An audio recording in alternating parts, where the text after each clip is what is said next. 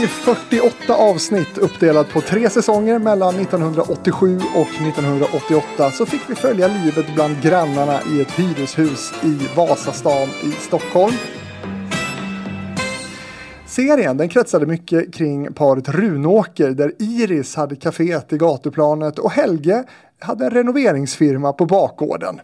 Ja, även Axel spelad av Per Eggers eh, som ägde tobaksaffären och Sten som var fastighetsskötare. De gillar ju att sitta på det här Iris Café och tippa och äta äggmackor eh, i den här dramaserien på SVT. Kommer du ihåg vad den heter? Heter den inte, heter den inte Goda grannar? Eller något Ja! ja, det var det ja. Bra där! Ja, tack. Men du, gillade du signaturen? Nej, men, nej faktiskt inte. Och jag, jag tror inte jag gillade den ens på den tiden. Alltså, det fanns något på SVT där, där eh, alla program hade i princip den här signaturen fast lite olika tempo med en, eh, en elgitarrslinga som eh, låg som... Eh, nej, jag gillar den inte alls. Men du, eh, det låter som att du tittade i alla fall. Jag kommer ihåg Per Eggers. Ja, det Hans ju. karaktär alltså. Jag, jag, den, jag kommer inte överhuvudtaget ihåg vad serien handlar om. Men jag, jag ser Per Eggers framför mig i, i den rollen. På något sätt. Nej men det var säkert bra. Alltså, allt som gjordes i SVT på den tiden var ju, när det gäller drama och sådär, var ju extremt eh, genomarbetade, påkostade produktioner. Eh, så att eh, sen var ju tempot och allting sånt var ju helt annorlunda på den tiden. Så att nu, nu skulle man ju säkert somna en liten stund på mitten av ett sånt avsnitt. Eh, Kanske. Ja. Men goda grannar alltså. Hur god granne är du? Eh, ja. Vad det- skulle dina grannar säga om dig tror du? Nej men de skulle nog kanske säga att eh, han är, alltså i, dröm, min drömvärld är ju att eh, de tycker att jag verkar vara en, eh, en fu- fullständigt normal individ eh, som, som hjälper till. Men jag har faktiskt reflekterat över det ibland att eh, Alltså, du vet om någon kommer med något klagomål och säger det att eh, du får inte klampa i trappan till exempel. Då är min första instinkt är att, alltså okej, nu, nu ska jag börja klampa riktigt ordentligt så får du höra hur, eh, alltså att man har någon sån här liten eh, Tonåring? Ja, lite, Rebell? lite, så, lite den känslan. Eh, så att jag kan nog, jag har insett det. Jag har alltid tyckt var jag än har bott att fan vad märkliga mina grannar är. Men efterhand liksom när man kommer upp lite grann i åren så har jag börjat inse att ja, men det kanske inte är grannarna som är märkliga, det kanske är jag. Det, så skulle det faktiskt kunna vara. Möjligen. Men du är med på städdagar naturligtvis? Ja, ja absolut. Eh, Och är det så också att du sitter som suppleant i styrelsen för din bostadsrättsförening fortfarande? Nej, Nej. För det hade ju förpliktigat. eller vänta lite, gör jag det? Ja, du är nog reggad som det. Jag, jag får kanske är reggad som, eh, som suppleant men jag försöker hålla, alltså vi, det är en pytteliten förening dessutom. Så att, eh, men nej, jag är absolut ingen sån föreningssnubbe. Jag, jag kan gärna hjälpa till liksom och grilla korv och, och sådär om det är, men att vara ordförande helst inte och absolut inte kassör. Dåligt med pengar. Nej men nej, men alltså att vara kassör, så, vad jag har hört, jag har aldrig varit kassör. Men vad jag har liksom fått till mig av människor som har varit kassörer är att det verkar vara det absolut sämsta uppdraget du kan eh, ta på dig. Och med tanke på ditt jobb så skulle man väl nästan kunna påstå att du är hela Sveriges granne som dyker upp i tv och berättar om vad som hänt under veckan landet runt. 10. Starta band. Pass på. Starta tv-publiken om 5, 4, 3, 2, 1. Varsågod. Välkommen Henrik Krusval. Stort tack, stort tack. Är det så man säger? Krusval. Krusval, ja. Var kommer det namnet ifrån? Det är estniskt. Så att eh, min farmor och farfar flydde till Sverige under eh, andra världskriget. Egentligen på estniska så skulle det uttalas det är Christian Lok till exempel. Han har också två U i sitt efternamn och då säger man Lok. Så att det egentligen är Krosvall. Eh, men eh, det är det ingen som, det är av, redan min farmor och farfar eh, avvecklade det. Så att det blev liksom försvenskat Krusval. Har du lyssnat någonting på TV-fabriken måste jag fråga först. Nej, men, ja, jag försökte lyssna. Vi, vi, vi skulle ju träffats eh, någon gång för ett bra tag sedan. Eh, så då lyssnade jag. Men sen ska jag säga det att eh, jag vet ju att flera av mina kollegor lyssnar eh, jättemycket och älskar verkligen det här. Sen är jag ingen podd. Alltså jag, jag vet inte, det, eh, kanske är jag liksom för gammal eller något sånt där. Men jag lyssnar nästan aldrig på podda, tyvärr. Det Men- gör ju ingenting. Man måste ju inte göra det. Nej. Men jag är generellt väldigt intresserad av allting som har med tv och media att göra.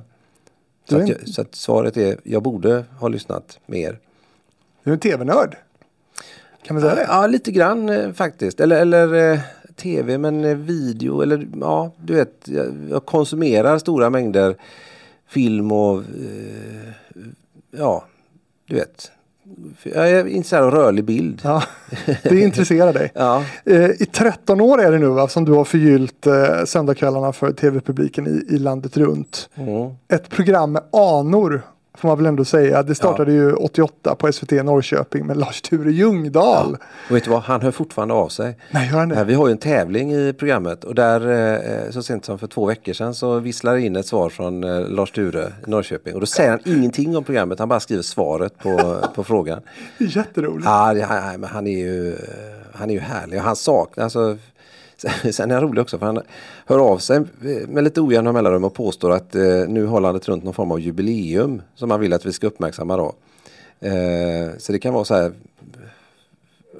vad fan vad ska jag säga, 88 sa du. Ja, För det är inte bara jämna år har jag noterat utan det kan vara sådär när programmet fyller 15 år och eh, förmodligen så kommer han så småningom höra av sig varje år. Liksom när det, när det brinner fyller år. han mer för det här programmet än du? Nej, det tror jag inte.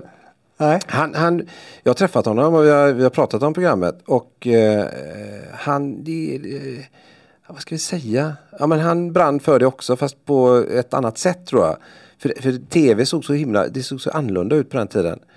Eh, och man kan träffa människor ibland som säger att ja, men det var liksom, det, ja men du vet hur det är, det var bättre förr och eh, det, var, liksom, det gjordes långa reportage. Men han, eh, alltså, för vi- jag har ju den möjligheten, jag kan ju titta på varenda reportage som har gjorts eh, under veckan i eh, SVTs lokala stationer. Det är ju det som bygger programmet, det är ju liksom alla lokalreportage som finns och de, de kan vi välja fritt på. Och under en vecka, en normalvecka så kanske det görs eh, 250-300 reportage. Och då är ju liksom själva eh, grundidén med programmet är ju att av de inslagen som, eller reportagen som görs så kan ju alla inte vara eh, totalt ointressanta eh, utan det, det finns ju förmodligen guldkorn. Och det, så har det varit liksom genom alla år. Men eh, för Lars Tures del, du vet man hade gamla betakassetter, han kunde inte titta igenom några reportage. Utan han fick ju förlita sig på vad folk skickade, alltså vad de olika redaktionerna skickade. Vad han fick in liksom. Ja. Vad han fick in. Så en del av reportagen såg han ju för första gången i sändning. Ja. Eh, och så har ju inte vi det. Vi, vi har ju full koll liksom på allt som produceras och är det liksom ett knapptryck bara så kan jag titta på det. Och det betyder, ja, enligt dig då, att, att programmet är bättre idag? Ja, men, ja, det är ju av nödvändighet. Alltså, så här är det ju. Nu för tiden så alla det som görs inom SVT Nyheter, särskilt lokalt, liksom har ju varit först med att fokusera mer på online. Eh, och då är det ju helt, alltså det har visat sig att tre minuter reportage online, det fungerar inte. Eh, folk orkar inte titta på det. Om det inte är liksom vansinnigt bra. Då kommer det att nå sin publik ändå. Eh, så att vi har ju inga sådana, alltså, de senaste fem åren så har ju inslagen blivit kortare och kortare. Vad snittar de på det? 1,15? Ja, 1,15. Ja. så att säga. Och sen kan vi ibland, alltså jag kan ju plocka upp reportagen kan jag klippa om dem, vilket jag gör ganska ofta. Eh, och förlänga och sådär. Men det hinner, alltså jag kan, vi har bara tre dagar i veckan på oss och jobba med det här programmet så att jag hinner liksom inte klippa om allt. Men det betyder att tittarna får se mer å andra sidan då? Mm, det får de ju. Vi försöker ju. eh, Jag menar, I grund och botten så är, har ju all, allt det vi visar har ju redan visats. Så det är ju en reprisapparat egentligen. Billigt ju. Ja, det ja, ja. ja det, det brukar vi säga också, det är billigt. Ja, fast då, då säger de som bestämmer att eh, jo, jo, men reportagen har ju ändå producerats någonstans. Liksom, och då. Men sen är ju tanken då att så, sånt som har gått i Rapport visar ju inte vi. Utan meningen är ju att det ska vara liksom grejer som kanske bara har visats i Blekinge tidigare. Då kan vi köra dem. Eh, och fyller vi programmet med sådana här reportage där tittarna liksom kanske bara har sett ett av dem. Då, då får de se tio nya. Eh, det är ju liksom hela grund, grundkonceptet. Och vi ska prata mer om hur din vecka ser ut och hur mycket du jobbar med det här och sådär. Men, men eh, Lars-Ture Ljungdahl, är vi klara med honom? Nej, jag tror inte det. Nej, Va? Så bara, bara, bara det att han stavar sitt eh, namn med Z. Ja. Jag för mig, jag, jag, det var talanglöst av mig men jag, jag, jo, men jag måste ju ha frågat varför han, han, han stavar Lars med Z. Men jag kommer faktiskt inte ihåg. Men berätta om era möten. Ja, utan att, men, eh, han är ju charmerande. Han, perfekt hår. Fortfarande, Eh, nu är det ju helt vitt liksom. Men det ligger som, som om han, han är liksom redo att gå in i en TV, tv-studio. Wow. När som helst. Och sen har han en egenhet, vilket jag också tog till mig och kände att ja, men det här ska jag nog akta mig för. Eh, att när jag ställer en fråga till honom så börjar han med att svara mig så här. Och sen omärkligt så vrider han upp och så pratar han rakt in i kameran.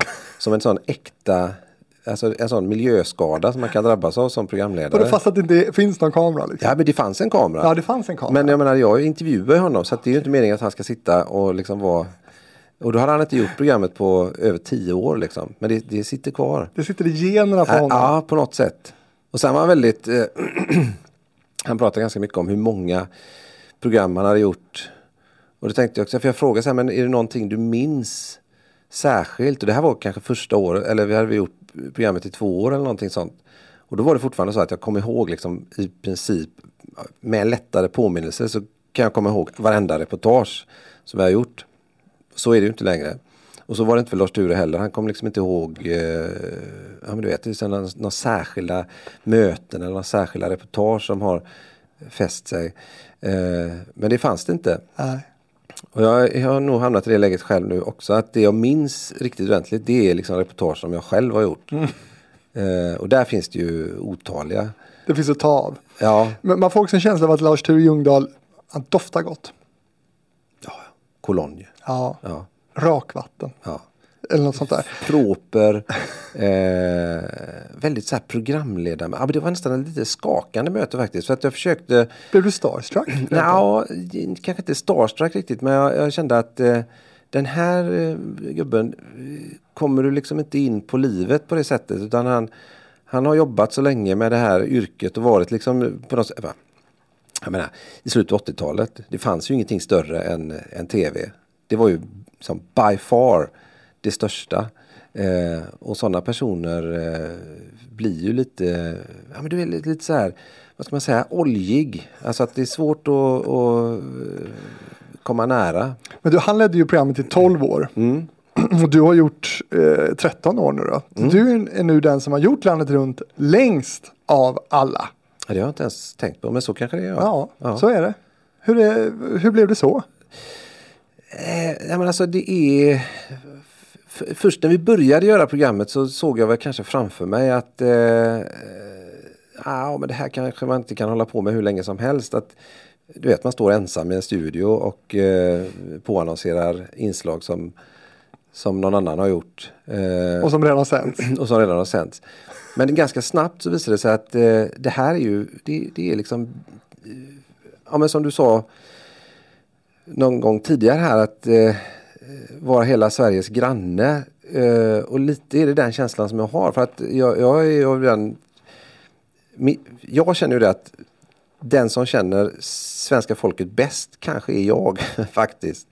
Eh, eftersom jag får eh, det vi letar efter är ju inte de här dramatiska nyhetshändelserna. För de har liksom redan visats i Rapport. Vilket innebär att vi, vi dels undviker vi eh, liksom det hemska och, och skjutningar och allting sånt. För det får ju människor ta del av ändå i överflöd. Eh, utan vi representerar, känns det som, mer vardag. Alltså, och det, den stora delen av människors liv är ju ändå inte skjutningar och det är ju ändå inte eh, droghandel utan den stora delen av människors liv är att de, du vet, går till jobbet på morgonen, eh, kommer hem och så kanske de har någon hobby, täljer något av en pinne eller bygger en stor, eh, bygger en, en eh, replika av eh, eh, Augusta National golfbana i källaren. Vilket vi för övrigt hade en snubbe som eh, har gjort för några veckor sedan här. Och då känns det som att då, då tittar man liksom in hos människor eh, på ett sätt som eh, är Eh, ja, men det är en ynnest faktiskt att få och grejen är att alla, alltså alla kan ju ta del av alla de här reportagen. Det vi gör är ju någon form av service, liksom. vi sätter ihop eh, en vecka Det blir som en veckosummering av med det vardagliga. Och det slutar aldrig vara intressant och roligt. Det är fortfarande... Eh, sen är jag lite sån att det jag håller på med för stunden blir jag liksom ganska absorberad av och känner det att så du vet, jag började jobba på radio, kände att det här är världens bästa jobb. Det här kommer jag aldrig sluta med. Sen började jag jobba på TV, kände igen att fan det här är ju ännu bättre. Det här kommer jag aldrig sluta med. Och sen, så mycket av det jag har gjort har jag ändå känt att det här är världens bästa jobb. Men grejen med landet runt är att det tar ju aldrig slut liksom. Vecka ut och vecka in så, så bara man får ja, men du vet, vara med i människors liv och så, sak, så här, men är det inte samma inslag? Ja, det är klart det är. Vi har liksom fyra inslag om vintersim varje vinter. Men det är ju olika människor som vintersimmar. Och precis som man trodde att nej, men nu orkar vi inte åka till Skellefteå och titta på, på förberedelserna inför VM. Det visar sig att fan, de har tagit hit finska vintersimmare som visar var skåpet ska stå. Så det, det är liksom, man lär sig älska nyanser också. Mm. Eh, det är inte de stora smaskiga rubrikerna utan det är små, små grejer. Eh, och ibland så är ju liksom nyhetsvärdet mindre än mikroskopiskt. Jag vet vi hade något reportage från Blekinge om någon eh, pappa som hade byggt en koja i, i trädgården. Och man bara, fan, bara i det grannskapet så måste det finnas tre träkojor minst. Och det enda som var lite speciellt det var att den här gubben hade byggt den och övernattade i den. Eh, jag tror han hade byggt den till sina barn eller något sånt där. Men det är ändå underbart man får träffa den här snubben eh, i 1.15. Men detta har ändå sänds på nyhetsplats. det är lite udda. Tro mig, ganska ofta så sitter vi och tänker så just att eh, hur fasen.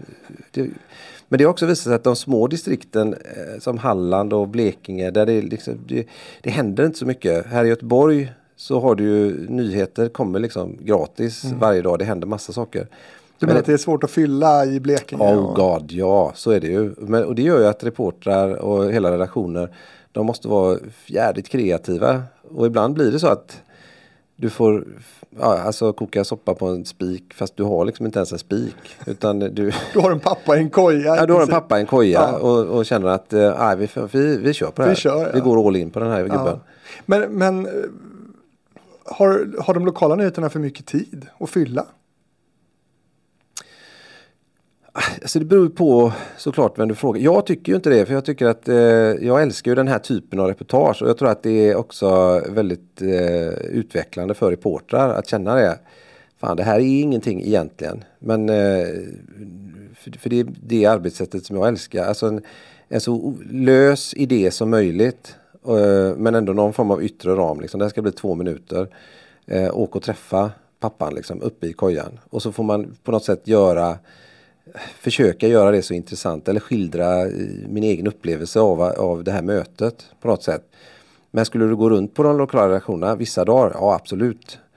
Men det är också den kontrasten mellan jag menar, när du jobbar mot online så är ju online är ju en eh, en brunn som är stor som ett helt universum. Liksom. Du kan ju stoppa i hur mycket som helst men också hur lite som helst.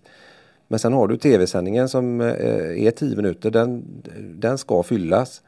Eh, så att eh, vissa skulle nog säga att den det dilemmat liksom att man jobbar mot online men samtidigt har tv-sändningar. Att det är svårt och trixigt. Mm. Men jag tycker inte det. Jag tycker att det, det ställer lite krav på för, eh, generellt, nyfikenheten. Ja, men nyfikenheten. Och sen generellt tycker jag att eh, liksom själva hantverket, eh, hur man gör ett, eh, ett bra inslag eller ett reportage erbjuder så otroligt många möjligheter. Så om någon frågar så här, hur skulle du tipsa någon liksom, som börjar som ny?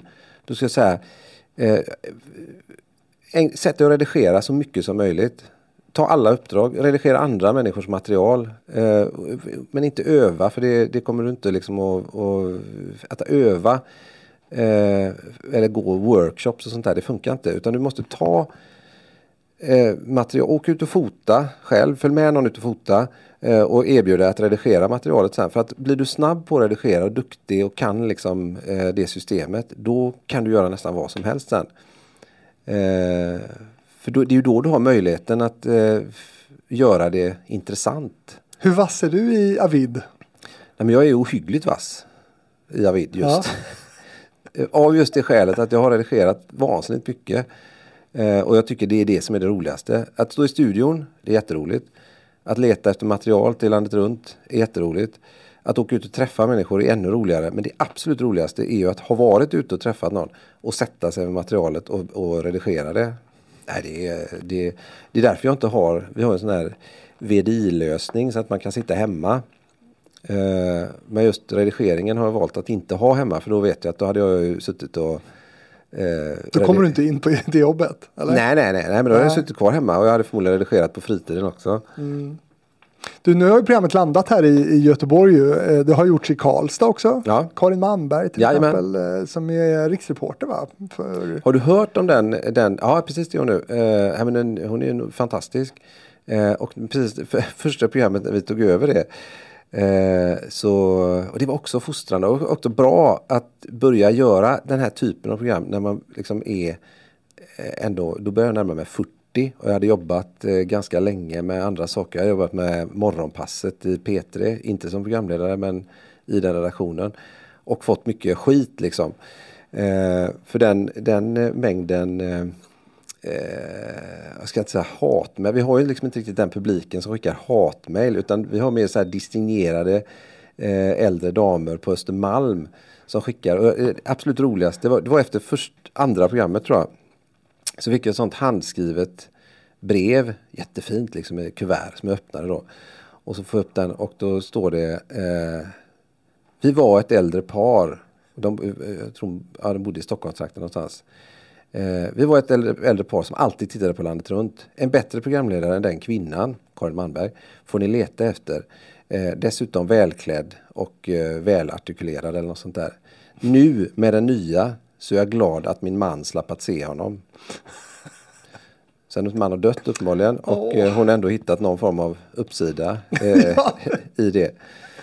Eh, och det, det, var ju så här, fast det, det, var, så, det var så otroligt over the top så att eh, men du är väl den typen av programledare också som att eh, innan du har knutit ditt kontrakt med tittaren ja. så kan, det, tar, det kanske tar ett tag. Ja, Ja, ja, men alltså, I vissa fall så är det är fortfarande så. Jag kan fortfarande få sådana här mejl liksom. Vad fan är, vad, vad är eh, den gamla programledaren? Och man bara, men vad fan det har gått 13 år, vad händer?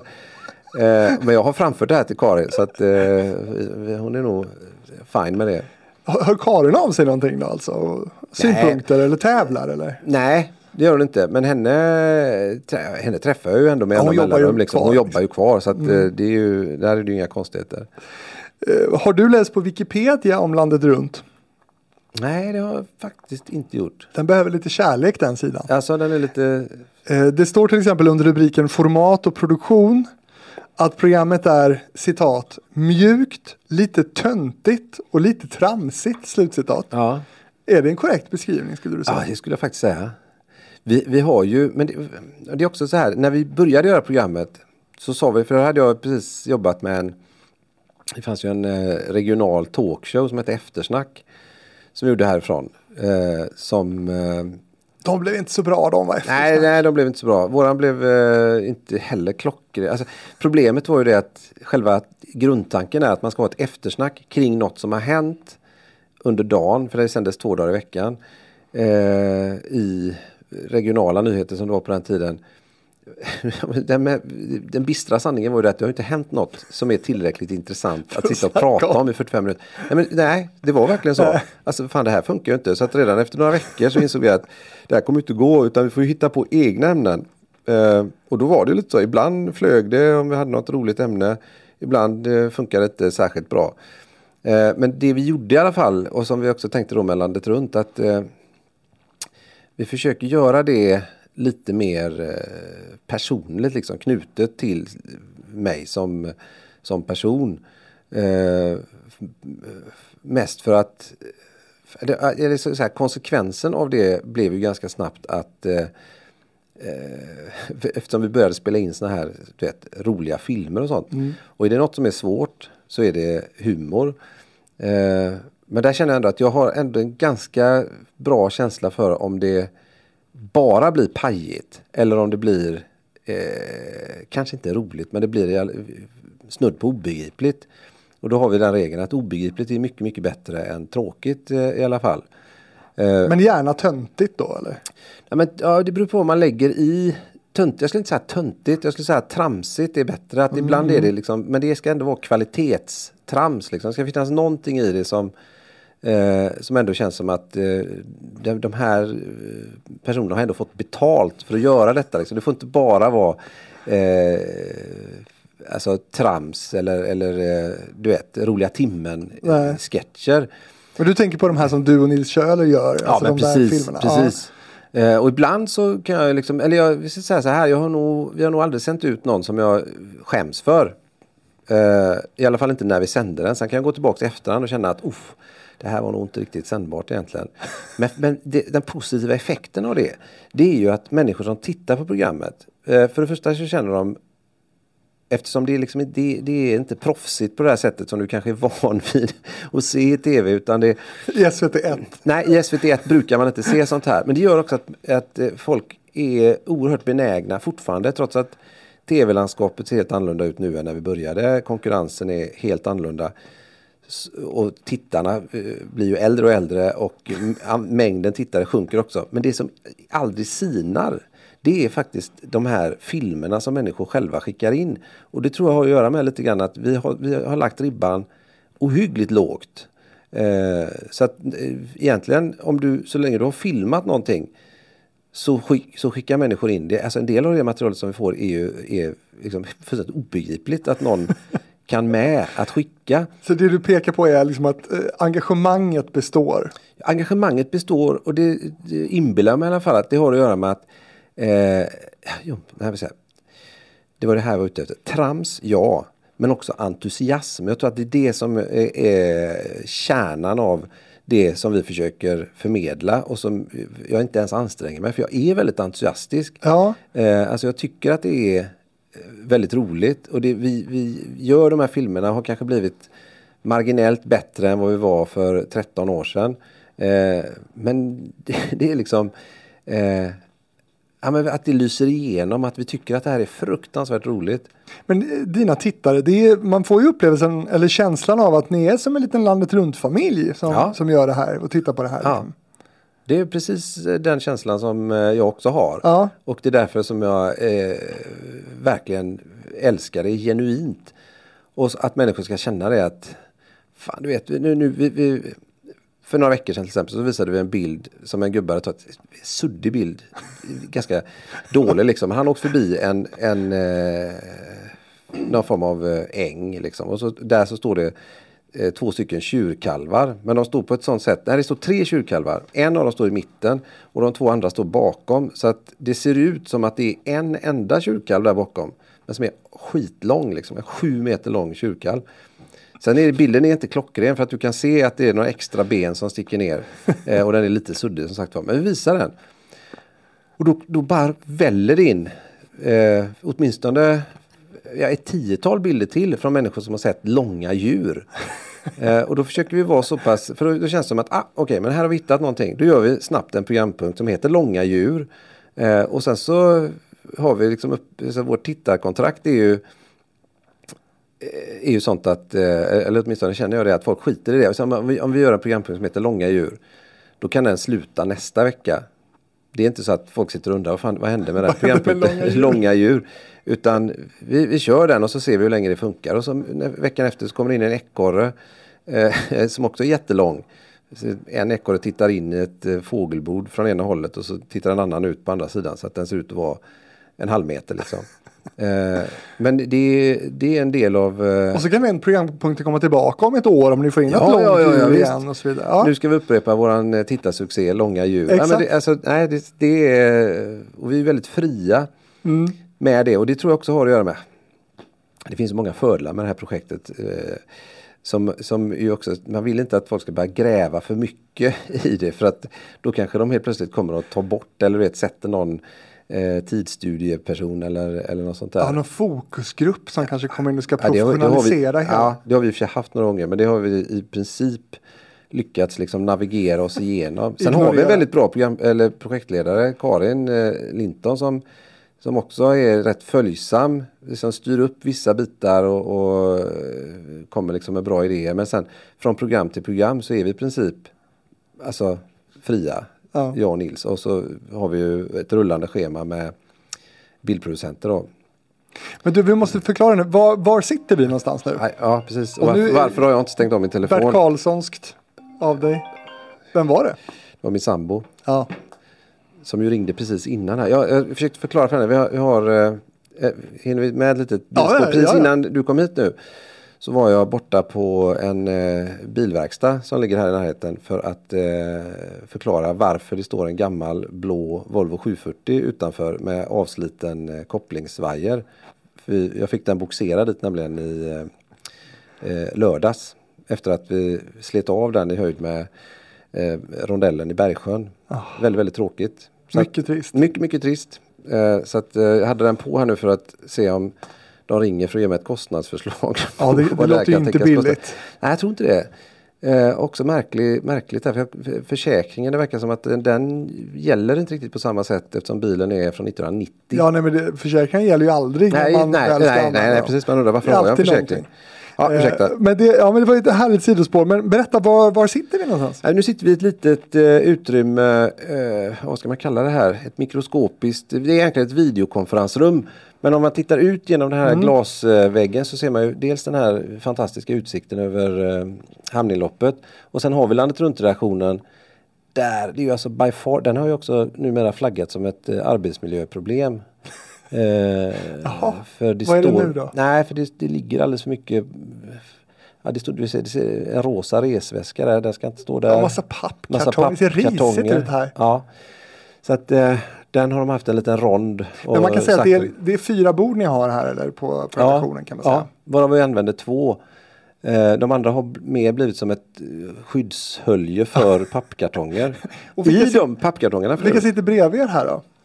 Nej, sen sitter tv-desken som då är ansvariga för eh, att göra de lokala nyheterna eh, varje dag och Mm. även eh, Rapport på lördagar sänds härifrån. Och så det är den och sen så ligger ju studion precis Rapport klockan 16 ska vi säga. Ja precis. Rapport Ja. 16. Ja just det, inte långa. Men du, så har du tv-studion där, eh, alltså bortanför tv-desken och sen så kommer vi och sen så sitter liksom hela eh, nyhetsredaktionen då, väst. Just det. Mm. Vi hade mycket bättre platser förut, då satt vi borta mer i chefsklustret. Eh. Gillade du det mer? ja, alltså egentligen det såg ju lika illa ut med alla pappkartonger och sånt. Men det var, det, folk ställde inte så mycket frågor. Dessutom så sitter vi nu i rad med toaletterna. Det har jag också haft synpunkter på. Så att det är liksom städskåp, toalett, toalett, toalett landet runt. Eh, och det tyckte jag också kändes lite som att vad fan, alltså då, då är ju vi precis i flödet av människor som behöver gå på muggen. Ja, man vill gärna komma undan också om man ska gå på muggen kanske. Ja, ja precis precis. Och inte veta det att det är samma gubbar som sitter där liksom. Eh, dag ut och dag in. Så att, nej men. Eh, men det är ändå ganska, ja.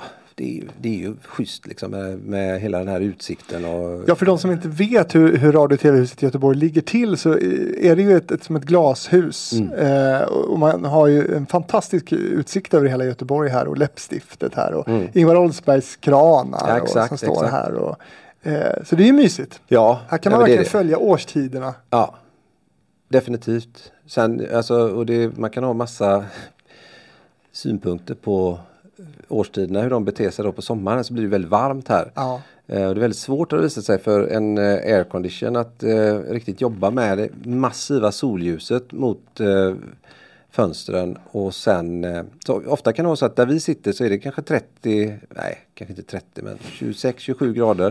Och sen när du kommer längre in i lokalen och sitter i en redigering då kan det vara liksom 16 grader på sommaren. Ni är lite gnälliga då. Ja, Jag försökte undvika det men när, när du tittade på mig så eh, kändes det som att han vill nog höra någon form av nackdel med detta också. Nej men det är alltid sådär, jag var, jag var på tv-huset i eh, Köpenhamn också. Mm. Har du varit där? På det. Där har de också så mycket glas och så undrar jag varför de hade ställt upp liksom så här parasoller som man har liksom på uteplatsen hemma. Hade de Ja. ställt upp och då tänkte jag, har är det något kallras eller något så här? Nej det är ju för solen. Liksom. Ja. Parasoll inomhus. Men gillade du det tv-huset i Nej, Köpenhamn? det var väl inget fel på det. Men var inte, som jag minns det, nu var det i och för sig ett tag sedan jag var där, men är inte det sån här, eh, alltså lite mer som tv-huset i Stockholm? Eh, Ja, det är lite gammalt betong. Eh, Ja men vad, du var i det nya fina tv-huset. nej, det kanske jag inte var då, jag kanske var i det gamla. Med mycket glas och...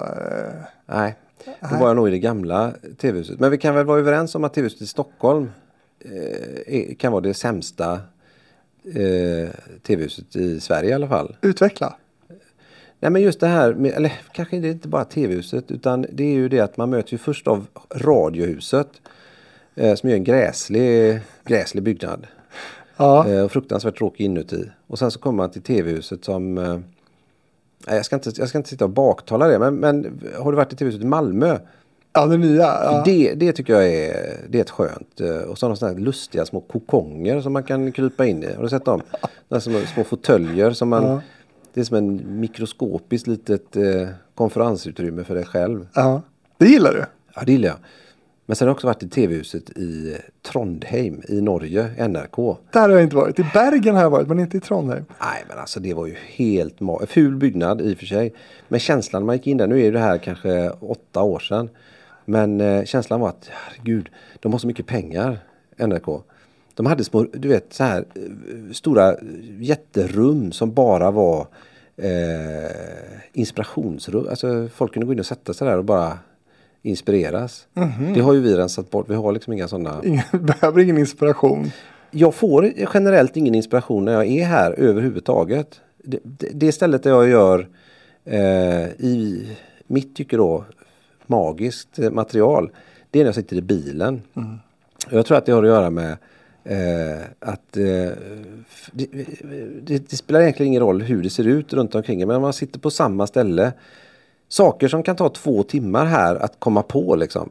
Det går på fem minuter i bilen. Och det tror jag är, har att göra med, det här är bara så här, nu killgissar jag eh, hur det funkar. Men jag tror att eh, hjärnan behöver liksom ha någon form av stimulans. Den klarar inte av att sitta och titta på samma saker. Samma. Och de här pappkartongerna Och som ligger under. Nej men det är ju... Men, men det är ju ganska intressant. Det är kanske är därför många influencers spelar in grejer i bilen. Joakim Lamotte sitter och är arg i någon bil och sådär. Kan det vara det? Mm. Ja, jag tror, jag. tror Ja. definitivt.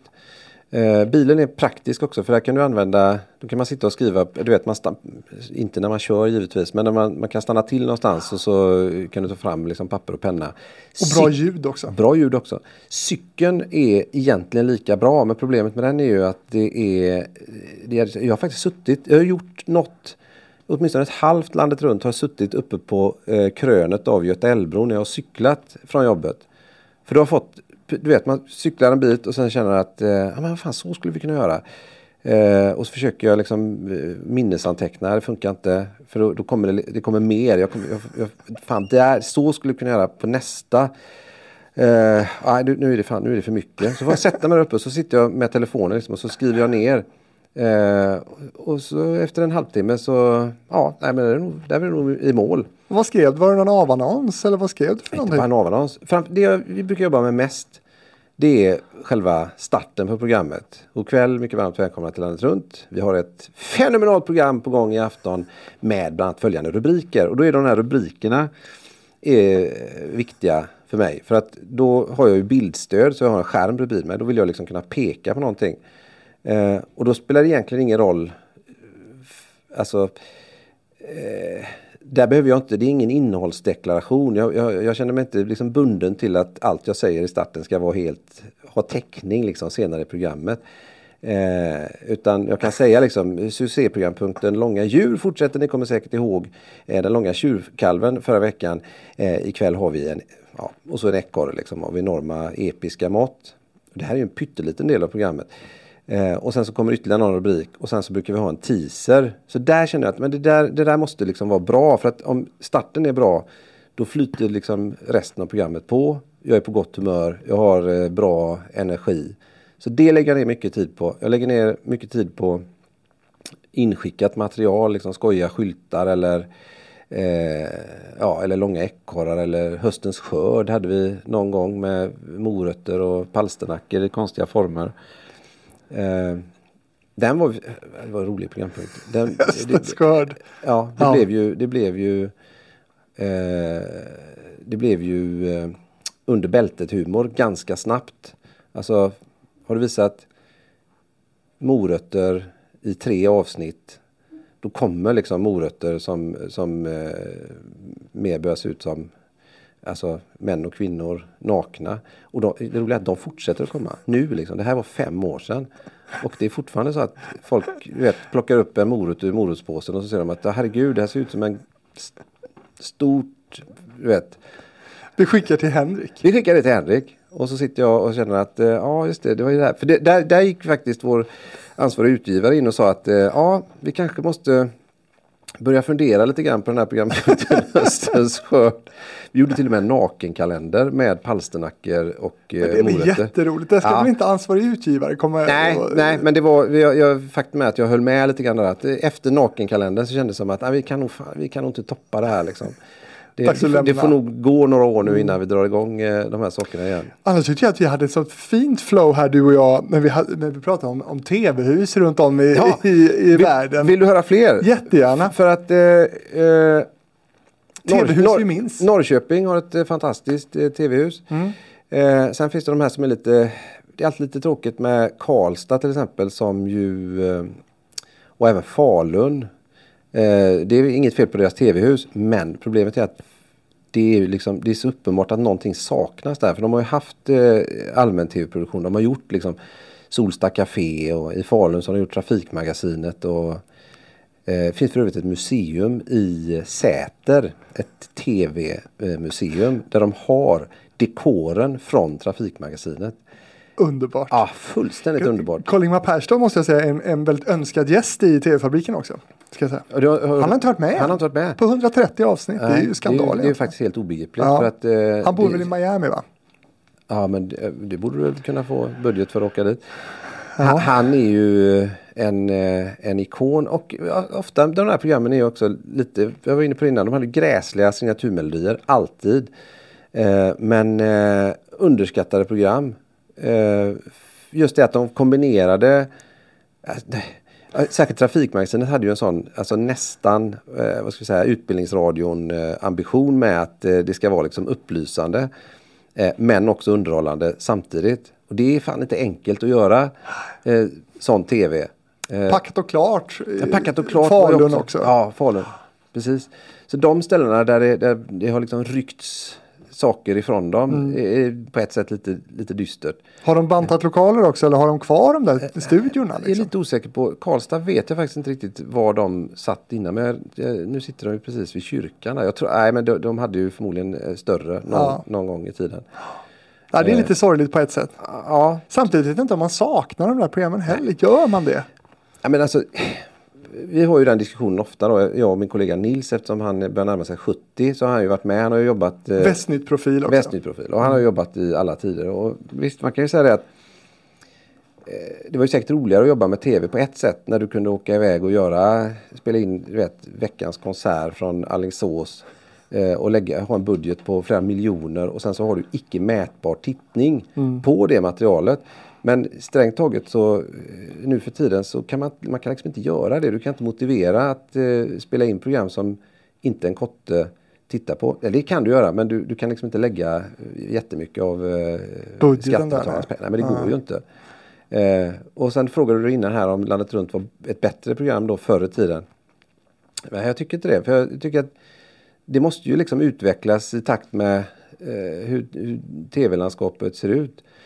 Jag satt och tittade tillsammans med barnen. De repriserade Trasan och bananer för några somrar sedan. Oj! Ja. Alltså, det hände ju absolut ingenting. Nej. Det, det, de bara står och, st- och jag kommer ihåg, jag älskade det när jag var liten. Jag säger bara, jag vill också ha en sån här, en sån koja, liksom, en egen studsmatta eh, som är som ett stort hus. Men eh, mina barn, du vet, de taxar ut efter eh, fem minuter och så bara, Det är samma med Saltkråkan. Jag har försökt testa med min son när han var yngre och det gick, han, han gick därifrån. Han, Ja. han lämnade hellre rummet Ja. med en tv Ja. där det rullade bilder än att titta på det där. Ja, men för det, det är så oerhört långsamt. Å ena sidan. Å andra sidan så såg jag en, en, en gammal inspelad eh, konsert från Sergels torg med eh, eh, någon av de här, eh, om det var Fred Åkerström, alltså någon sån här gammal klassisk trubadur. Och det är en oerhört billig produktion. De har en huvudkamera på scenen. Kanske att de har en kamera till där de kan ta liksom någon, någon närbild. Men det är inga bra, det är inga täta närbilder. Liksom. Eh, och Karn står och eh, sjunger någon låt emellanåt och sen har han evighetslånga mellansnack. Eh, Men det var ju fan helt magnetiskt liksom. Man kan inte slita sig, man bara sitter och, och tittar på det. Så att det, det är inte liksom, det är inte helt säkert att bara för att det är gammalt så är det tråkigt. Och det är det jag menar med att det är generellt mycket bättre nu för tiden för att du, du jag menar, rent tekniskt saker som eh, man la ner massa tid på förr i tiden. Du vet, bara sitta och göra en, en mix. Mix, en mix. Liksom. Vi, det anställdes ju personer här. In, liksom, de tog hit personer från Norrland för att han var en så jävla stark bildmixer. Eh, och den effekten den är ju så simpel nu så att den vill du inte ens använda. Så att det, möjligheterna är ju oändliga. Du, på tal om Saltkråkan. Ja. Eh, Det var ju för några år sedan här som de gick ut på SVT tror jag det var om att de skulle göra ny inspelning av Saltkråkan. Kommer du ihåg det? Ja, det kommer jag ihåg. Det blev ganska mycket ståhej kring det där. Ja. Många, inte minst Ulf Brunberg, ojar sig över Ja, detta ja, och, och sådär. Ehm, och vad hände då? Ja, ingenting va? Nej, ingenting. Va? Jag, Och jag, jag blir så nyfiken, nu får alla kvällstidningsjournalister som lyssnar på det här tips möjligen. Men jag, jag blir så nyfiken på det där. Mycket V- intressant. vad, är, vad tog den, det projektet Ja. vägen? Har försökt att mejla marknadsdesken på SVT om eh, ja, när ska det här göras? Ja. Vem är projektledare? Och, eh, det finns ingen. Nej, Och det är inte projekterat liksom. Så jag misstänker att SVT har nog backat på detta. de har vikt sig för uh, Ulf uh, Brunberg. Ja, jag kan inte se någon annan förklaring. Det är Nej. två, tre år sedan de lanserade Ja, det här. sant. Det har jag inte ens tänkt på. Men du har alltså gjort efterforskningar Ja, jag har gjort efterforskningar. Mycket intressant. Även hos Astrid Lindgren AB eh, som hänvisar till SVT. Ja. Eh, men så att jag, jag misstänker att det här projektet eh, kanske inte finns Nej. längre.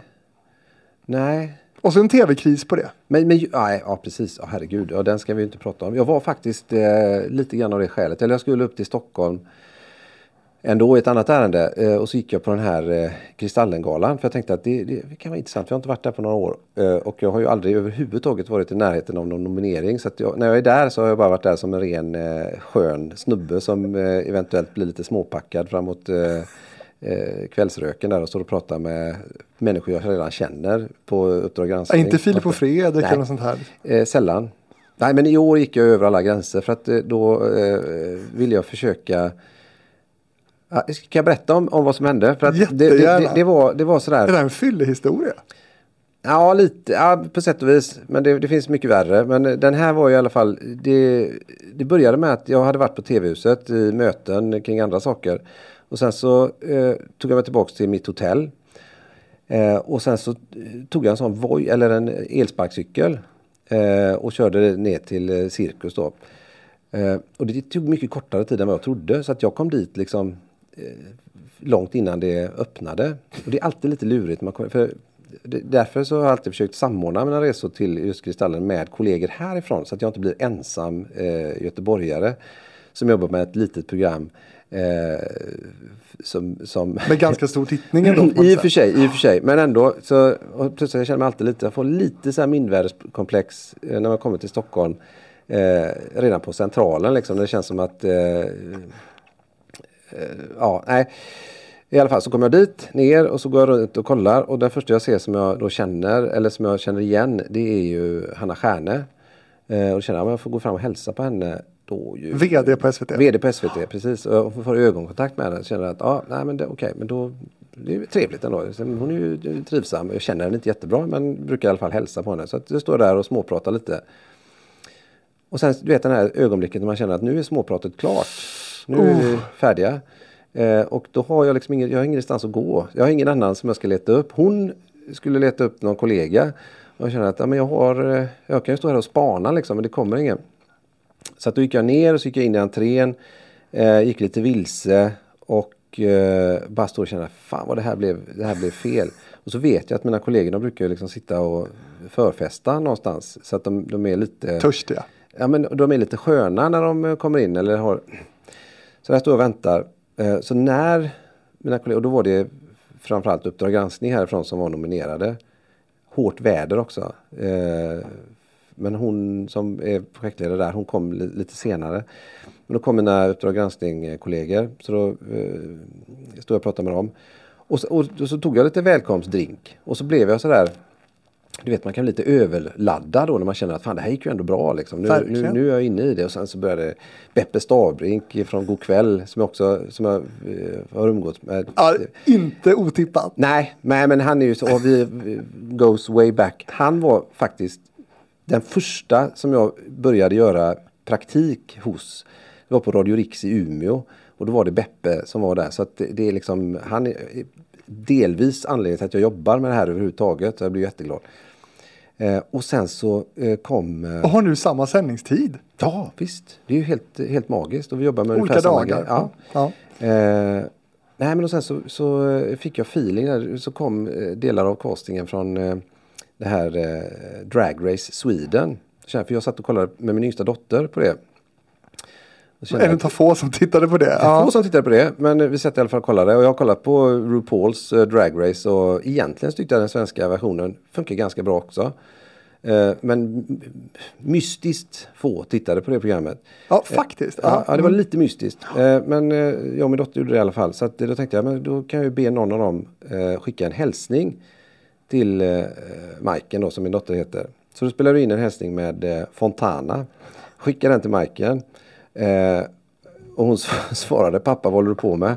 Eh, och då kände jag, ja det här är ju roligt. Så då skickade jag samma hälsning till min äldsta dotter som eh, för tillfället då jobbar som reseledare i eh, Alperna. Eh, och hon svarade samma sak, liksom, pappa vad håller du på med? Och så skrev jag, ja, men nu jag är i form här, eh, vill du också ha någon hälsning? Ja, kan du skicka någon från Wahlgren-familjen? Eh, så vore det coolt. Så sen ägnade jag kvällen åt att försöka liksom, eh, jaga en hälsning. Eh, och det är ju inte okej, kä- känner jag i efterhand, eh, att vara i 49-årsåldern och gå runt och, och vara en sån fan. Eh. Men jag, jag lyckades faktiskt. Vem av dem? Eh, dels Pernilla då, men hon var lite, hon var lite, hon var inte så tillgänglig som hon brukar vara. Hon- hon hade något för sig liksom. Känner hon igen dig? Eh, ja, det är möjligt. Men eh, hon, eh, hon var i någon form av tidsnöd så att det, blev, det blev en snabb bild där bara. Bianca var helt fantastisk. Eh, jag tror inte Bianca vet att min dotter är 21. När hon spelar in den här hälsningen. Men sen var det roligt för det visade sig att flera av de som jobbar med henne i eh, eh hennes talkshow är, ja, du känner säkert till flera av dem också, jag kommer inte ihåg vad de heter nu, men det är unga människor eh, som alla har liksom haft någon form av eh, vända in på SVT. Så att eh, jag hade jobbat med åtminstone någon av dem. Så att, och det underlättade ju såklart att de eh, kände till mig. Och det var stort faktiskt. Så då sa Bianca det att, eh, ja, jag frågade så här, kan du spela in en hälsning till min dotter? Ja, vad heter hon? Ja, Märta. Ja, hej Märta. Och då hade hon uppfattat det att jag hade jobbat med några av dem. Så då sa hon att, eh, hej Märta, din pappa är ju en fucking ikon. Coolt ju. Ja, men, Men det var kände, ett hon kände nog inte igen mig. Nej, det var liksom ett proffs. Herregud vilket proffs. Ja. Det är också så här, kan jag ibland känna, du vet konkurrensen. Om man tittar på, det finns ju 14-åringar idag som sitter hemma och har eh, en green screen nere i källaren. Eh, och redigerar, de kan, du kan sitta och redigera på en, en iPad eller vad fan som helst. Som gör mer avancerade grejer än, eh, än vad jag kan liksom. Så att, eh, och att tycka att eh, ja, Bianca, är hon verkligen någon program? Ja, hon är, hon är faktiskt jätteduktig. Hon är fenomenal. Alltså Biancas talkshow är ju riktigt bra. Hon Ja, men- är riktigt eh, bra Hon som är riktigt programledare. bra. Hon är riktigt bra. Hon är det som jag hoppas att jag ska kunna vara också en dag. Nej, men just det här att, man, att det känns som att, och lite så tror jag att det är folk som träffar mig ibland eh, kan säga det att ja, men du är ju ungefär sån här som du är liksom. Du är sån i tv och du är sån eh, privat också.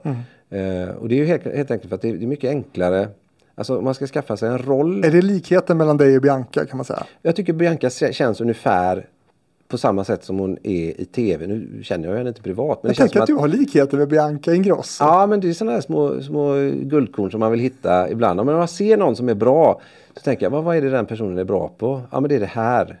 Och så försöker jag tänka, har jag det? Nej, det har jag inte.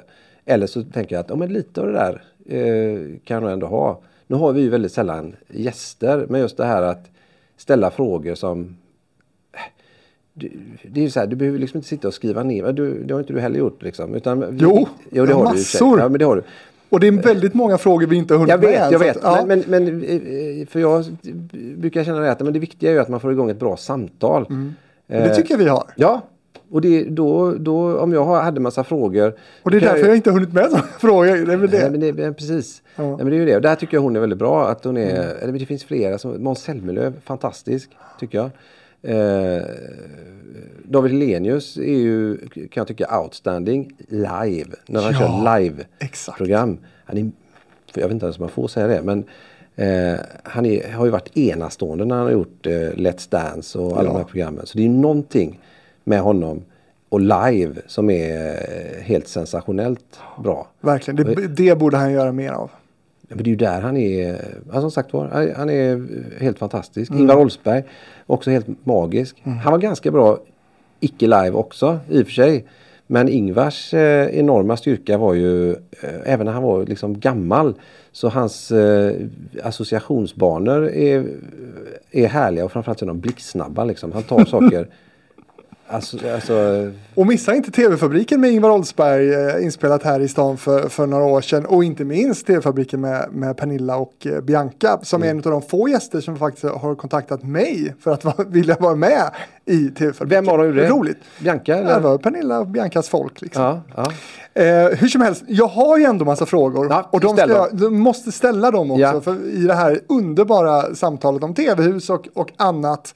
Bland annat så ska Henrik få svara på det här med hur hans ironiska stil verkligen lirar ihop med de nyhetsinslag han presenterar.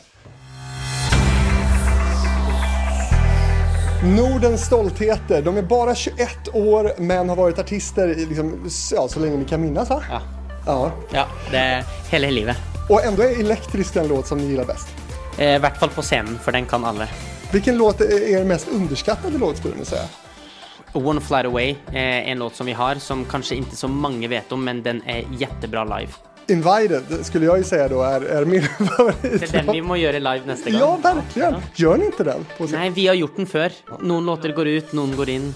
That's how it is. Men eh, det är en bra låt i alla fall. In och lyssna på den. Och så, lyssnar du på Hitfabriken med Marcus och Martinus där vi också pratar om den här eh, liksom, re- livsresan ni har gjort. Från att vara barnartister till full-grown män Åh, som tränar tre gånger om dagen.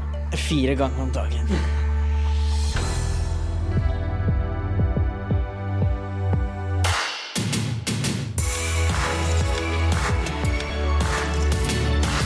Men det här är TV-fabriken med Henrik Krusval i landet runt. Mångas favorit i TV som gästar TV-fabriken den här veckan. Väldigt trevligt. Vi sitter ju här i, i Göteborg i TV-huset och berätta nu lite om hur en vecka med landet runt ser ut för din del. Japp, då är det så här. Eh, på måndag, tisdag så, jag, så jobbar jag egentligen med annat. Men då har Vad jag är det för något? Eh, ja, men då är, oftast är jag tv-redaktör för de lokala nyheterna för eh, Väst och Halland. Eh, så jag jobbar med det. Men samtidigt så börjar jag skanna av eh, alla SVTs eh, lokala sidor. Det, för det går ganska fort. Nu kommer du ju, det här är en måndag. Så om inte du hade varit här så hade jag redan börjat liksom, att titta igenom alla olika eh, sajter för att se om det har liksom, gått några intressanta inslag i helgen. Och sen så gör jag en bruttolista kan man säga över inslag som är, verkar intressanta eller det här skulle kunna vara bra. Eh, och sen så på tisdagen så går jag igenom mail. Vi brukar få ja, i snitt 1500 mail kanske efter ett program och då är de allra flesta mailen är tävlingssvar. Men bland dem så vi, fortfarande liksom så har vi ett hundratal mail som är saker som människor skickat in eller som har skickat ett tips och säger att eh, vi, har, eh, vi, vi har en stor träff i vår vävstuga i Leksand. Eh, nästa vecka vill ni komma dit? Och då försöker vi liksom ändå svara på alla dem eh, och förklara att nej, vi hinner inte komma dit utan men, men ring eh, SVT eh, Dalarna så kanske de kommer dit och då kan vi visa det inslaget. Så det är lite sånt efterarbete kring förra veckans program. Sen på onsdagar då kommer en kollega, redaktör Nils och då gemensamt liksom så tar vi de här inslagen, kanske 50 stycken kanske vi har då. Och så tittar vi igenom allt det som jag har plockat ut.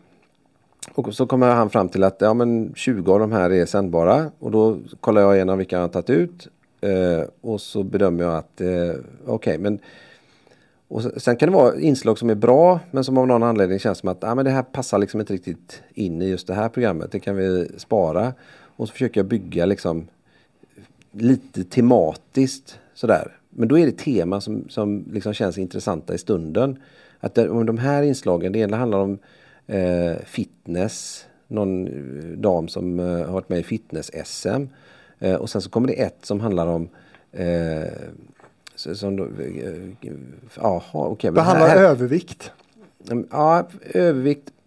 Övervikt är, lite svårt. Och jag vill gärna, alltså, det, det stora tricket är liksom att försöka undvika att hamna i såna svåra övergångar. Liksom. Om du har övervikt och fitness. Den, den, den blir liksom... Ja, men det är lätt att, vara, alltså att få en ett, ett taskig känsla mm. där. Eh, men däremot om du har eh, lite äldre människor som sitter och gungar i en hammock eller något sånt där. Eh, ja men då kanske man på något sätt kan liksom hitta något med fysisk aktivitet. Men, men det, det, är liksom, det är bara en helt, och det är det som är härligt att eh, för att undvika att upprepa sig så går jag väldigt mycket på, på instinkt, alltså det jag känner här och nu. Mm. Och sen har jag också en sån här grej som, för, för då är det onsdag. Då gör vi, gör vi i ordning eh, körschemat.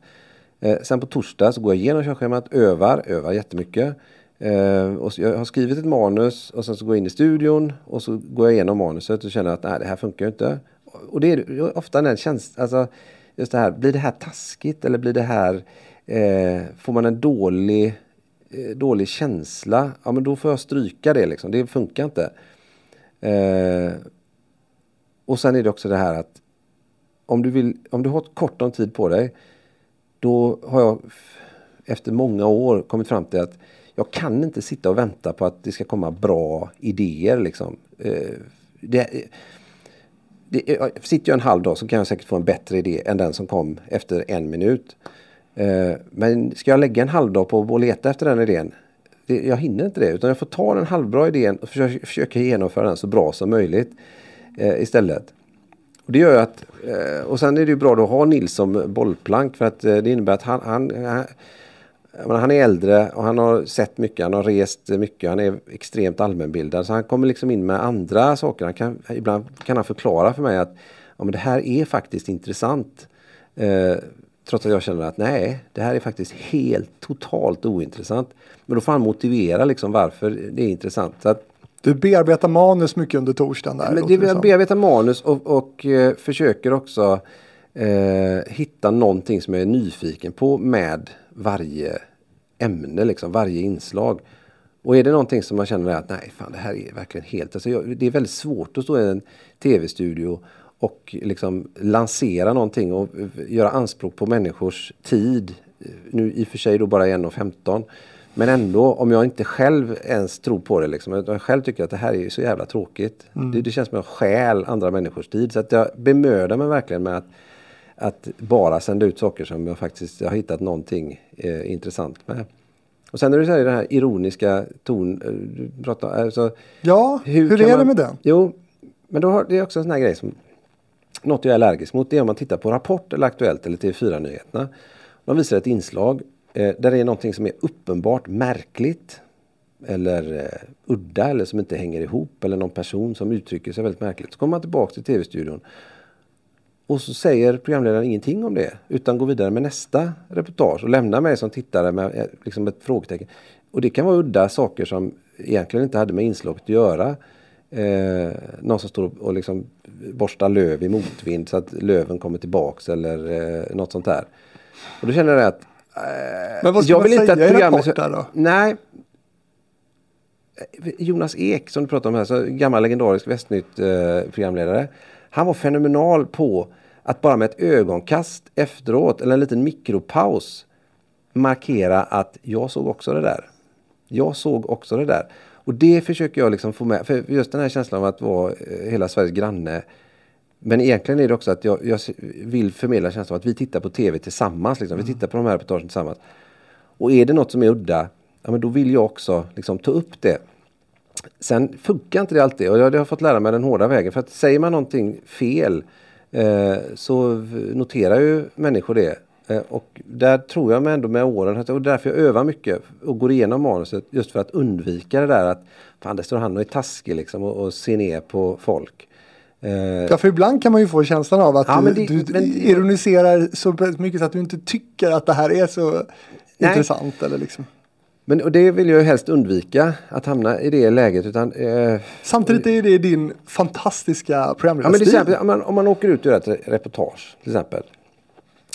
Då kan du göra någonting som är, som är jättekonstigt. Jag vet att om man tittar på Filip och Fredrik till exempel när de gjorde de här eh, ja, men 100 höjdare eller Alltså du, du tittar på saker som är uppenbart bizarra eller konstiga.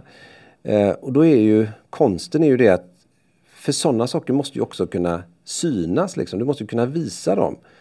Eh, och då finns det ju flera olika lager alltså, av att eh, jag menar, om det är uppenbart konstigt, om jag tycker att det är konstigt, jag är en normal person, liksom, för, för, förhållandevis liksom, genomsnittlig på många sätt och vis. Om jag tycker att någonting är konstigt, då brukar i regel de allra flesta tycka att det är märkligt. Och det, det är liksom det som jag försöker utveckla mig själv med att kunna uppmärksamma sådana saker utan att för den sakens skull eh, ironisera för mycket eller Men där har ju Filip och Fredrik samma problem skulle jag säga. Att, Ja, att de kan de ju gått- säga hur mycket som helst att de älskar de här udda eh, personerna de träffar och sådär. Men man tror ju inte riktigt på det. Nej, men samtidigt har de gjort en del möten som jag tycker har blivit eh, fantastiska just för att de håller sig, eh, till exempel när de träffar han eh, förkastlig person på många sätt och vis. Men mötet de hade med Ron Jeremy, den gamla porrfilmsskådisen på en bordell i Nevadaöknen någonstans. Blev helt enastående tv just för att man märkte att eh, åtminstone någon av dem, det var länge sedan jag såg det här, men åtminstone någon av dem började liksom bonda med den här eh, lille farbrorn med, med mustasch som är, som är liksom hundraprocentigt bedagad och eh, tvivelaktig på så många olika sätt. Ja. Eh, sen har de gjort grejer där man har gått över gränsen och det har jag också gjort. Men utmaningen är ju, jag vet inte hur jag ska beskriva det riktigt men du kan inte bara visa, det är det, det, är det jag har emot många sådana här eh, du vet, helt vanliga tävlingsprogram som är så genomtypecastade. Eh, och du, du får liksom möta personer som, som de är inte som människor är, är mest. Utan eh, alla, eller väldigt, väldigt många människor har ju sidor som är lite udda. Eh, så, eller, eller intressen som man känner, hur fan kan du sitta och samla på liksom eh, gamla brandbilar. Det är först obegripligt. Och Du har liksom fyllt ett, ett helt hus med små miniatyrbrandbilar. Alltså, hur, fan har du, hur fan har du tänkt? Men samtidigt om du liksom lyckas eh, få den här personen att och exponera sin sin, eh, och ofta så kan de inte själva förklara heller vad det är. Jag vet inte. Jag, jag, bara, jag bara älskar det. Jag bara älskar det. Eh, och det är ju konstigt men ändå beundransvärt och härligt. Och just och, och på något sätt, eh, jag säger inte att det är, alltså det är bland det svåraste du kan göra Ja. faktiskt. Men jag har också varit eh, i en bordell i Nevadaöknen faktiskt. Mm. Men inte av den anledningen man kanske tror. Men det är ett annat program.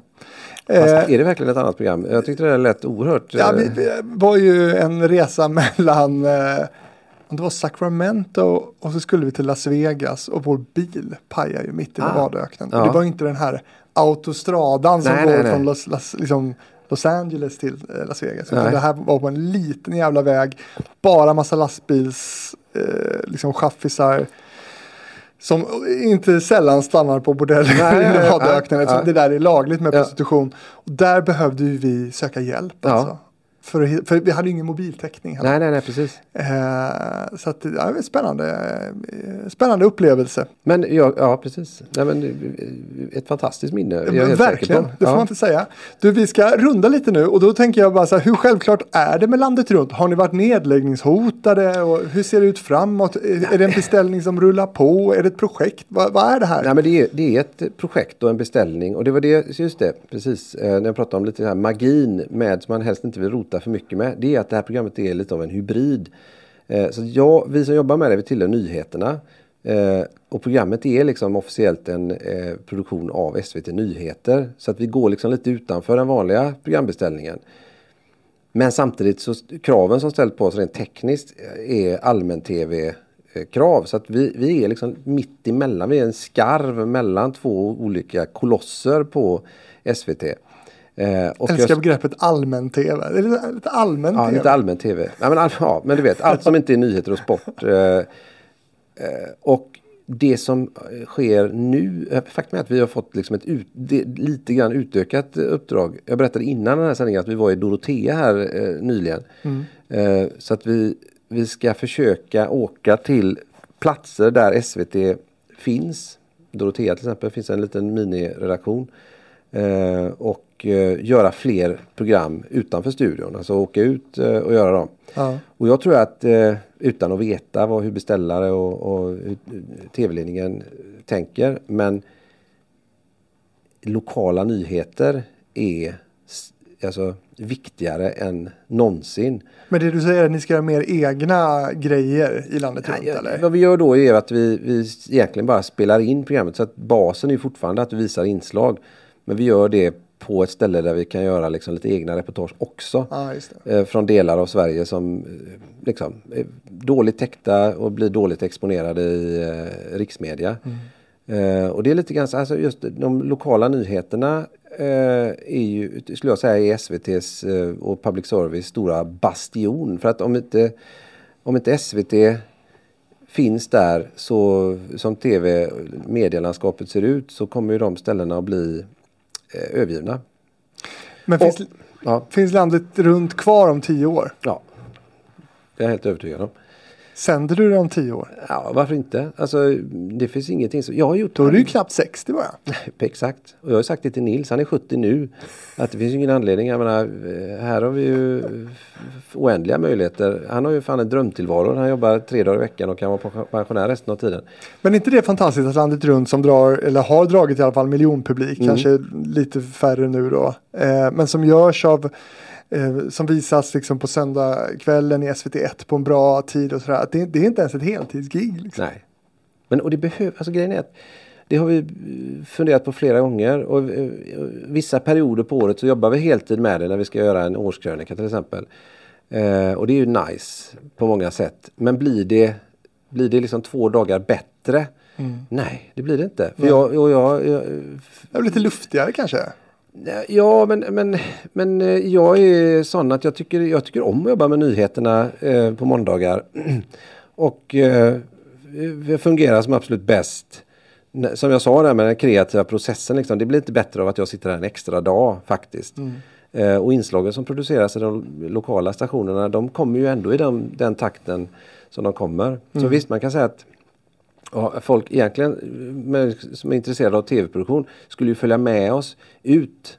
Eh, för då när vi spelar in ett program ute då är det 43 och en halv minut som vi har eh, tre dagar på oss att eh, spela in. Och då, det är ju de lägena som man liksom verkligen känner att fan vad mycket enklare allt blir av att bara stå i en studio. För det är ju liksom det lättaste sättet att göra både tv och radio. Det är att du har ett litet rum med mikrofon.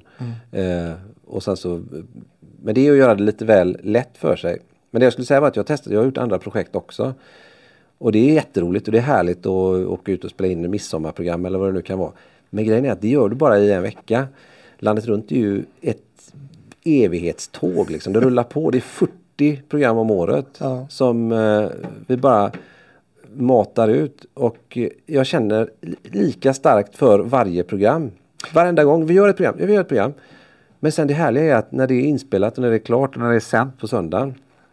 Då är det liksom det var den veckan. Tittar du på dig själv?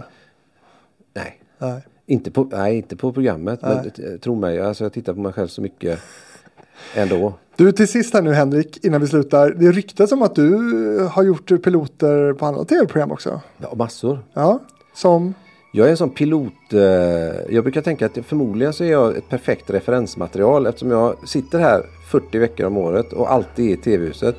Så att när de testade, du vet de, eh, de skulle, när Rickard Olsson slutade på Vem vet mest till exempel. Då var det ju klart också att det bara skulle gå en säsong till. Då var jag nere och testade. Eh, jag kommer ihåg, jag var lite... hade du velat göra Vem vet mest? Ja, men alltså.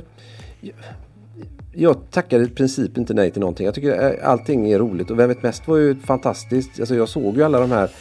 eh, Det var ju inte typecastat utan eh, de hade ju liksom ett jävla jättejobb med att få människor. För det var så jäkla mycket folk liksom som skulle passera i den här studion. Så att det var ju eh, allsköns härliga vanliga människor. Så det hade jag absolut kunnat göra.